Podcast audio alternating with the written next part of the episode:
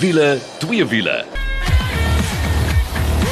Nou kyk, daai klanke beteken mos tyd vir wiele, twee wiele. Hierdie keer is dit die Afrikaanse blond en die Engelsman. Ek is Janet en saam met my is Mike McDooley. Hi Mike. Hi. Ja, die Kaal is nie hier nie. Die goeie nuus is Nicole gaan later by ons aansluit. Hy gaan om die waarheid te sê vir ons 'n insetsel gee van wat aangaan in sy motorhuis. So ons gaan bietjie daar in sy motorhuis kuier. En uh ja, en dan het ons 'n paar ander gaste wat ook so vinnig gegreep gaan deurstuur. Maar waarna kan jy uitsien? Daar was 'n bekend bekendstelling met Opel se nuwe Mokka. Nou kyk, ons sê dit gewoonlik oor oh, is 'n mooi kar en hy ry lekker nee nee nee. Ek wil hê jy moet jou ore spits van hierdie Opel Mokka wat 'n kompakte sportnuts is. Hy val in die besigment, lyk heeltemal anders as enige ander kompakte sportnuts op die pad. So ek wil tog hê jy moet jou ore gespits hou daarvoor. Dan was dit Spirit of Amarok tyd. 2 jaar terug het Kaal en Nicole dit gedoen. Laas jaar het ek dit gedoen. Hierdie jaar toe gaan doen Mike dit. En uh Just watch this space wat ons het groot nuus om vir jou te vertel. En die rede hoekom Mike dit gedoen het en nie ek nie is die feit dat ek het weer die volgende GR Yaris kap gehad met daai fantastiese Toyota GR Yaris. Dit was die Extreme Festival by Swartkops gewees. Ek gaan jou 'n bietjie meer daarvan vertel. En onder andere gaan ek gesels met Ashley Oldfield wat by Kilani gewen het toe ons ons eerste ronde gehad het, maar hy was ook die algehele wenner vir ronde 2 en um, kyk daai man weet hoe mekaar te ry en hy doen dit sonder vierde rad. So gaan jy 'n bietjie daarvan vertel. En dan het ons natuurlik twee wiele aksie ook. Maar kom ons spring weg. Ons bekendstelling van die week was Opel se nuwe Mokka. Nou Mike, this is the third generation Mokka. And I can tell you one thing, beautiful, beautiful, beautiful car. Ek is nogal baie opgewonde as ek sien wat se produkte Opel nou bring na die na Suid-Afrika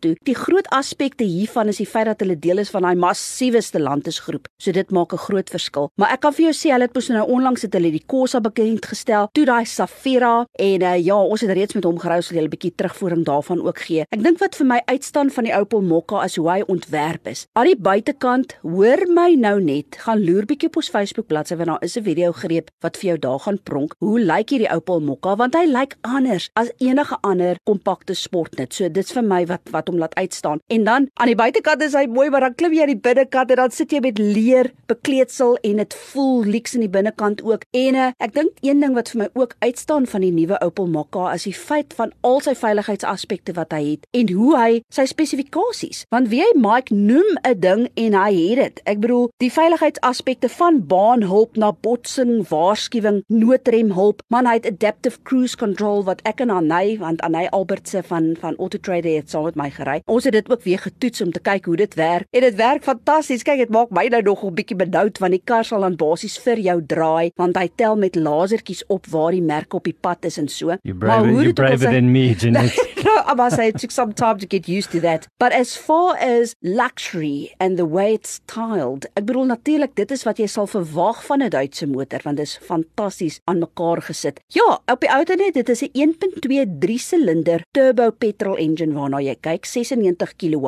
en 230 Nm wringkrag en hy kom saam met 'n 8-spoed outomatiese radkas en ek is gewoonlik mal oor outomatiese radkasse, maar hy was eintlik heel goed geweest. So net om vinnig, dit is wat ek nou dink van die Opel Mokka, maar ek het mos nou genoem dat Anay, ons twee girls het lekker saamgery met die bekendstelling. Anay Albertse is van Auto Trader en hoor net gou wat het sy gedink van die Opel Mokka. Hi Janet, dit is altyd 'n plesier om saam met jou in 'n motor te klim. Ons het so lekker gery in die nuwe Mokka. Dit is regtig 'n oulike kar. Hy lyk heeltemal anderster as enigiets anders wat beskikbaar is in Suid-Afrika en ek dink dit is waar meeste van sy charme lê. Alhoewel hy natuurlik fantasties ry Hy het 'n lieflike 8-spoed radkas, lekker turbo aangejaag, die 1.2 liter engine. Hy's mooi binne, hy het genoeg spasie en um, ek dink hy gaan regtig waar 'n treffer wees. Hy is uh, lig op brandstof en hy het natuurlik ook die nuutste tegnologie. So daar het jy dit as jy wil bietjie gaan loer hoe lyk die Opel Mokka, so maklik soos besoek ons Facebook bladsy, dis wiele twee wiele. Maar nou,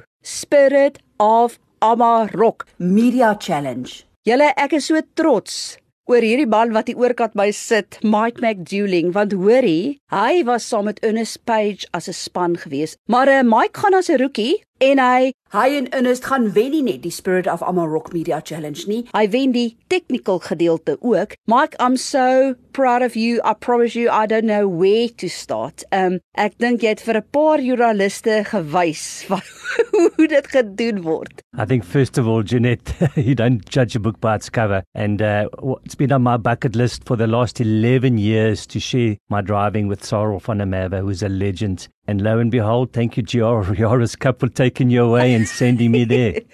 Nee, ek moet vir jou sê, maar hoorie, kom ons praat gou-gou net oor Spirit of Africa, want natuurlik die die die eintlike kompetisie is Spirit of Africa, um Spirit of Marok. Hierdie was nou die media uitdaging, hoor. So dis nou nie die groot groot kompetisie wat hulle het nie, maar waar kom die Spirit van Afrika vandaan? So Jeanette, a very long time ago Mitsubishi had the Spirit of Africa with Sorrel for 4 years Then the launch of the new Amarok came out, and Sorrel went to Volkswagen and said, Hey guys, we want to try this. Now, there was no Amaroks in South Africa. They were built in Argentina and only left hand drives. So, Volkswagen built him 23 right hand drive Amaroks and brought him over in 11 years running now. The biggest and most famous 4x4 competition there is. It's just grown from strength to strength. Nou, interessant. Cole en Nicole het dit 1 jaar gedoen. Laas jaar het ek dit gedoen saam met Brendan Stanleyford van Marula Media. Hierdie jaar was dit jou beurt. Nou ons weet die die Amarok het begin met 120 kW, tot hy mos nou opgeskuif na 190 kW. Dis die een waarmee ons ook laas jaar gery het en ek verwys altyd na die Amarok as dis hierdie amper wolf in skaapsklere, want hy is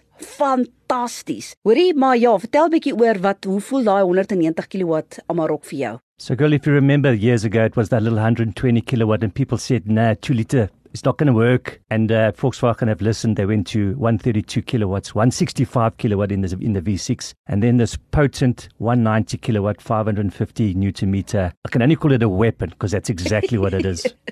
maar hoorie so die kompetisie self. Hoeveel deelnemers is daar nou wat hierdie jaar gaan deelneem? So this year, without the media, 1,120 yeah. people are participating. It is it's such a famous thing and it's such a bucket list um, thing to do that people from all around this year Botswana, Namibia, and South Africa competing, and the media get first chance. Brand brand new Amaroks, 120 k's on the clock, and also the last 23 in this country because Amarok is changing. Presies, einde van die jaar of begin volgende jaar weet ek, ons almal hoe sê hulle sê watch this space ons wag daarvoor. Hoorie maar hierdie kompetisie is so gewild, ek weet daar's tot ouens wat op die waglys is daarvoor. Maar ek wil nou, Mike, jy sê dit is op jou bucket lys daar vir 11 jaar. Vertel. So I've always been had a, a very firm affinity with 4x4ing. I've had the 4x4 for the, probably the last 20 years. And um, I've always thought just maybe one day I could do something like this, but never backed myself. This year, the opportunity came with Ernest Page, who's a legend on, on the road. Absolutely. And we just shook hands and said,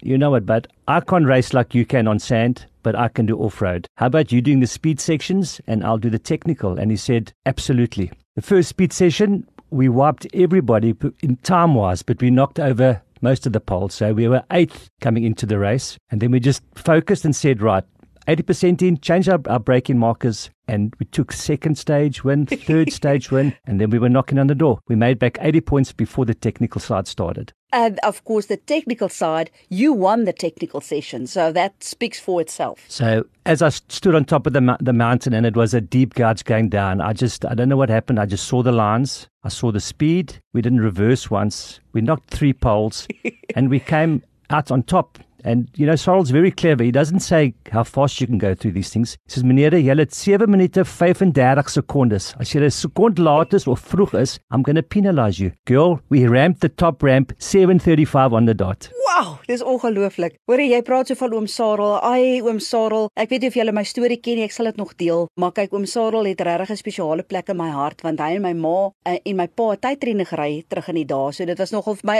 'n moeilike oomblik toe ek nou by jou moet aanklop en sê, "Mike, are you available?" En dit laat my dink, "I just basically said almost hello and you said you had me at hello." So ek is so so trots op jou. Net om af te sluit, jou algemene gevoel, hoe was die ondervinding, die die kompetisie en ook die ander deelnemers leiers want ek weet mense mense moet behoorlik vuis slaan om 'n plekkie te kry vir hierdie media uitdaging. So this is one of those challenges that you take your ego out of the, the equation and you got to focus and commit. If you don't commit, it's like you're going down Swartkops. If you don't commit into that first left-hander properly, you're going to be in poo. Same as this. You get in, commit, and just go for it. Hoor hierso, gaan loer bietjie op ons Facebook bladsy. Daar is 'n video greep wat pronk van van die uitdagings en wat hulle gedoen het. Daar's foto's van Mike en Ernest Page wat koning gekraai het. En wat doen hulle daai ehm um, trofee wat hulle vir julle gee something wolf It is a wolf. We belong to the wolf pack now. So Oh. yeah. Ewe hè, deel van die Wolfpack. Nogmaals baie baie geluk Mike en dit wys maar net weer eens waartoe hierdie Volkswagen Amarok bakkie in staat is. En ons sien nogal uit daarna om die die nuwe een te sien wat dan later bekend gestel And, sal and word. we've been invited, Jeanette. They want us back to defend next year Oh, in, in the new weapon. So whoop whoop. Woep woep absolutely. Hoor hierso so van die spirit van Amarok oor na reeds hoekom ek nie daar kon wees nie en dit was die volgende ronde van die Extreme Festival by Swartkops 'n uh, renbaan wat daar in Pretoria is. Nou um, net so vinnig vir jou sê dat dit was vir my weer fantasties geweest. Ek het 'n fantastiese geleentheid gehad om Dinsdag al verlede Dinsdag te gaan net vir 'n gewone oefensessie omdat ek glad nie die baan ken nie. Terug in die dae toe ek nog groep N gejaag het. Dit is ook nou meer as 20 jaar terug het ons glad nie op Swartkops gejaag nie. So ek ken nie die baan nie. So toe het ek tyd spandeer met Leroy Polter. Ek bedoel, as jy nie daai naam ken nie, wil ek sê jy moet hom gaan Google want hy is 'n absolute legende. Daai man is fenomenaal. Hy het my gekry om van 'n 1 minuut 17 het ek afgegaan na 'n 1:14 dood. Dit is wat rondetye betref. Nou goed, Paul sê en my pa sê dat my kop is altyd my grootste vyand en dit was toe tydens die tydens die ren naweek want uh, ja, ek het net dinge, ek dink dit was baie it was almost like information overload. Ek ry nou saam met ses ander joernaliste en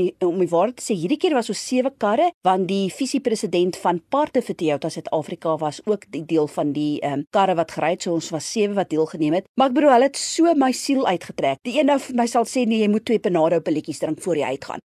Die ander een sê nee, gebruik derde rad, gebruik vierde rad. Die een sê nee nee, jy moet al jou waiers afsit. Ek sê vir jou later het ek gevoel soos 'n dronktor en dit het definitief die verkeerde uitwerking gehad. Ek kon glad nie vinniger gaan nie, maar toe besluit ek reset button vir die eerste ren en ek het 'n fantastiese ren gehad. Ek was aan die agterkant saam met die agterste manne, maar was fantasties geweest en dan in die tweede ren het ek dit reg gekry om een van my kollegas agter my te hou vir 'n hele tydjie net vir hom te wys, hoorie, net omdat ek 'n vrou is, 'n ma van twee seuns, gaan nie vir jou terugstaan nie. Maar ja, hy het op die ou tenne het hy wel verby my gegaan, maar dit was 'n fantastiese ren. Ons gaan amper asem skep, maar ek wil vir jou sê 'n naam wat jy moet onthou is Ashley Oldfield. Hy's van Kaapstad Hy het onder andere die eerste ronde by Kilani renbaan het hy gewen en toe was hy die algehele wenner na twee wedrenne uh, by Swartkops ook. Maar ek sê vir jou nie sonder uitdagings nie. En daar's 'n sê ding wat ons altyd sê van racing and perseverance. Perseverance the race is not always to the swift but to those who keep on trying. En hierdie man weet hoe mekaar te ry. Ek gaan net nadat ons bietjie asem geskep het, gaan ons goue onderhoud met hom doen so bly ingeskakel.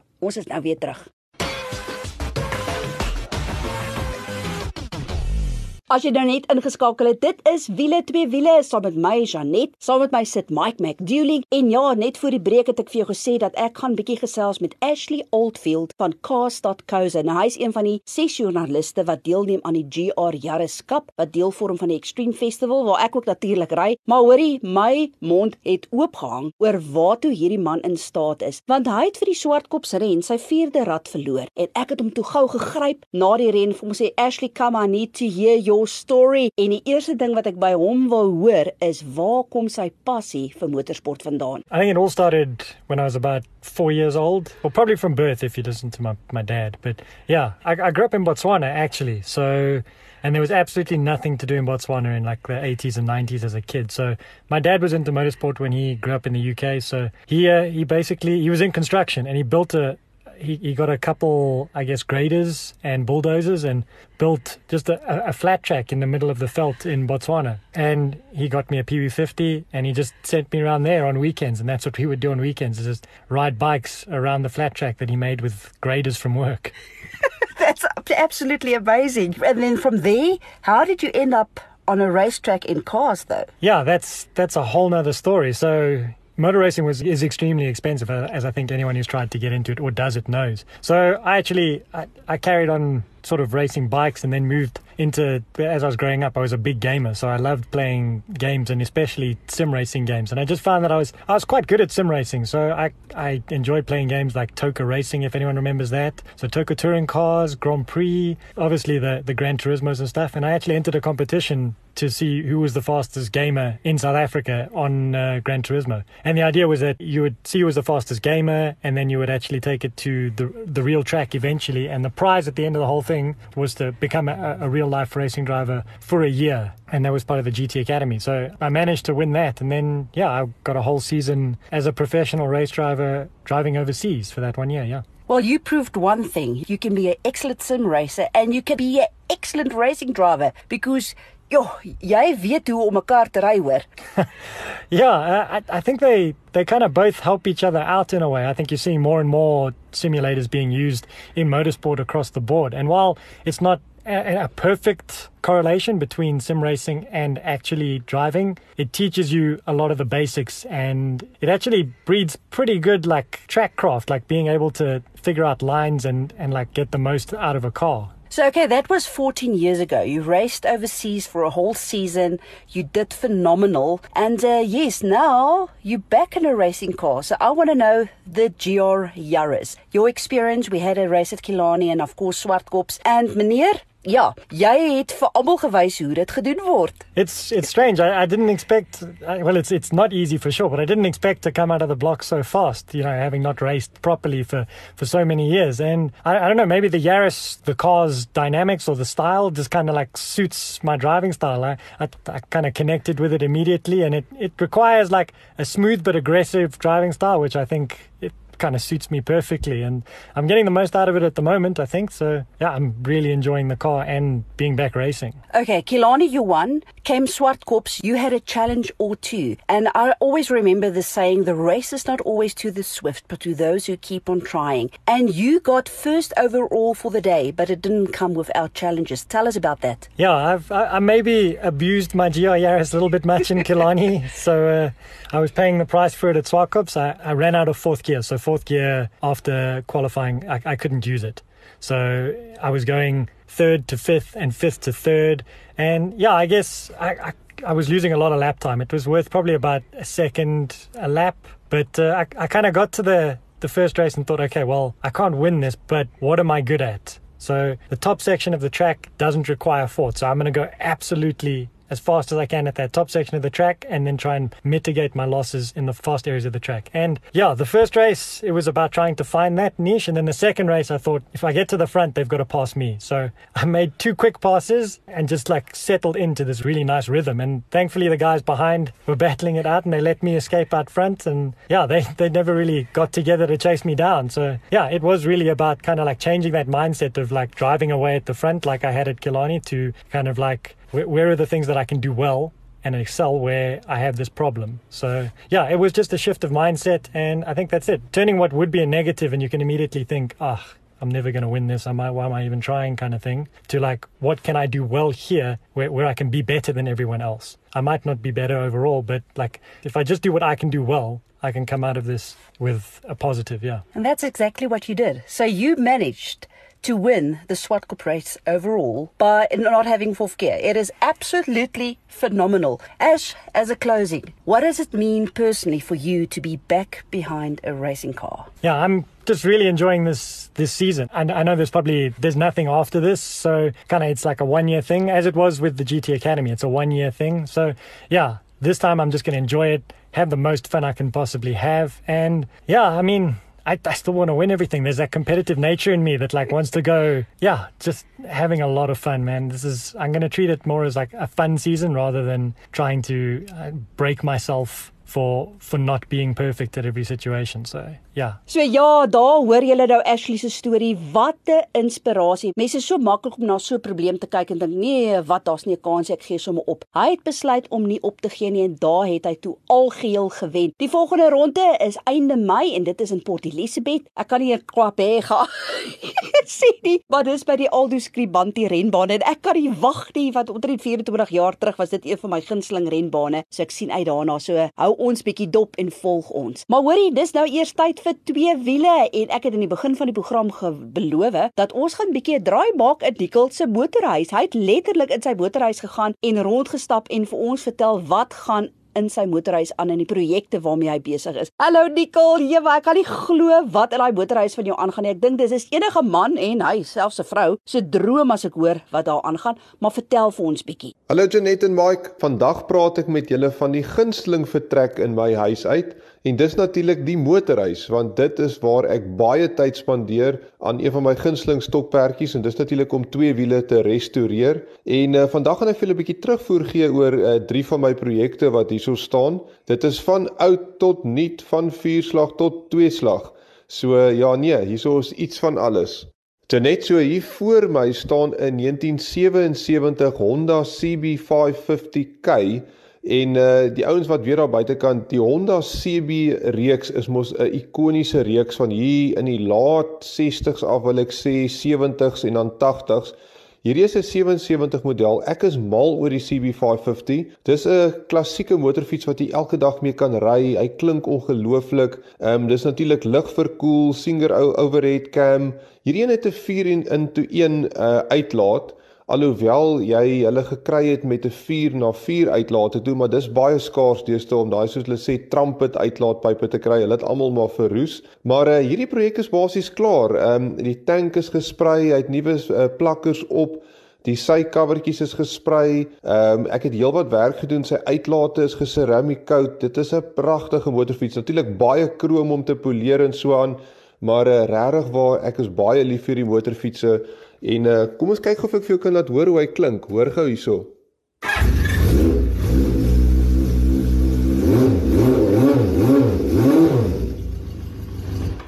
Nou as daai nou nie musiek vir jou ore is nie, dan weet ek nie wat is nie. So, Nicole, a little birdie tweeted in my ear that you've got something very special Japanese in your garage as well, and slightly newer than the other one. Tell us a little about this project. Ja, Mike, die volgende motorfietsprojek waarmee ek besig is en ek het nou net met hom begin, is 'n Honda RWF 400. So die ouens daar buite wat weet van jou uh, klassieke Hondas, Ehm um, jy het altyd mos gekry die RC30, daai 750 wat nou onbekostigbaar is, dan ook die RC45 wat altyd so World Superbikes mee gery het. Aaron Slater byvoorbeeld met so 'n gery. Die 400cc's wat so gewild was 'n ruk terug en ons dink nou aan as jy na Honda dink, dan dink jy aan die CBR 400s en dan jou WFR 400s, veral daai NC30 is mos 'n pragtige ene. Nou die RWF was die laaste ene in daai reeks ehm um, voor hulle nou opgehou maak het met hierdie um, V4 engine wat 400 cc is. En dis 'n pragtige motorfiets. As jy hom so vinnig kyk, dan lyk dit soos 'n RC45. Ehm um, dis net natuurlik die kleiner enetjie daarvan, natuurlik 'n RC45 onbekostigbaar op die stadium, maar die RWF's as jy nog gelukkig is om een te kan opspoor, kan jy hom nog kry. Maar wat hom so spesiaal maak vir my is, kyk, 'n NC30 is dieselfde half as 'n NC30 is gebaseer op 'n NC30 is net 'n moderne een, so hy daai single-sided swing arm agter Maar wat hy dan nou ook het is hy het hierdie wat hulle noem upside down voor virke wat natuurlik in die tyd in die 90s was dit nou nogals groot nuus gewees. En dan het hy natuurlik hierdie mooi voorliggies. Ek kyk nou hier na hom. Hy revolusies kan gaan op tot en met 15000 rpm. So jy kan dink hoe skree hy as hy daar uitkom. 'n uh, lieflike fiets. So hier moet heelwat gerestoreer word, tank moet oorgesprei word. Hier's 'n hele paar goedjies wat vervang moet word. Hy kort oorspronklike flikkers en so aan. So hy gaan my bietjie besig hou, maar oeg, dis 'n mooi fietsie as hy klaar is. Nou Nicole, ek weet jy en Kaal is mal oor twee slag motorfietsse. Ek praat altyd van Kaal as my ridder op die twee slag wat Hy het 'n twee slag motorfiets gery toe ek hom ontmoet het jare terug. Maar jy het so 'n twee slag projekkie ook daar by jou. Vertel vir ons. So net so dis ek is baie opgewonde om hieroor te vertel. Dit is 'n Aprilia RS125 twee slag. Nou Die ouens wat weet terug as ons by die skool was, ek het nog op die 50 tweeslags gery en toe kom daai reël van 125 en dit was mos altyd net die ryk ouers wat vir hulle kinders hierdie um super 125s kon koop. Byvoorbeeld jou Aprilia RS 125, jy het ook 'n Suzuki RGT 125 gekry, TZR 125. Maar ja, ek kon nooit my hande op een kry nie en nou was ek stout om vir my hierdie ene te koop. Wat 'n pragtige fiets. So hier altyd maar 'n paar probleempies as jy ingekoop het. Hierdie se kraantjie het gelek. Hy het altyd 'n uh, eh, natuurlik die engine gevlat. Ek sien sy uh, spoedmeter werk nie. Is seker 'n kabel af daar. en natuurlik sy uh, dan ook sy remlig wil hy aankom en ek sien dit is 'n skakelaartjie hierso op hierdie agterste uh, rem as jy hom trap wat nie werk nie. So soos altyd is hy 'n bietjie goed om reg te maak, maar ai Dit is so lekker om met hierdie fietsse te gaan ry as hulle reg is. So ek gaan julle op datum hou van die projekte. Soos ek sê, die CB550 is nou klaar, die RWF en die RS125, hulle is in proses. Ek sal vir julle 'n videoetjie neem wat julle op die Facebook bladsy kan sien hoe lyk hierdie projekte. Nou toe as jy wil sien waarmee Nicole besig is, gaan loer bietjie op ons Facebook bladsy want daai einste video waarvan hy praat is daar vir jou om na te loer en dit inspireer ons ook sommer om nuwe projekte aan te pak. Nou dis al vir wiele twee wiele vir hierdie week. Baie dankie dat jy saam met ons gekuier het. Mike, thanks to you. Thank you for having me. Yeah. Ja, en jy weet wat om te doen tot volgende week toe. Hou daai wiele aan die rol.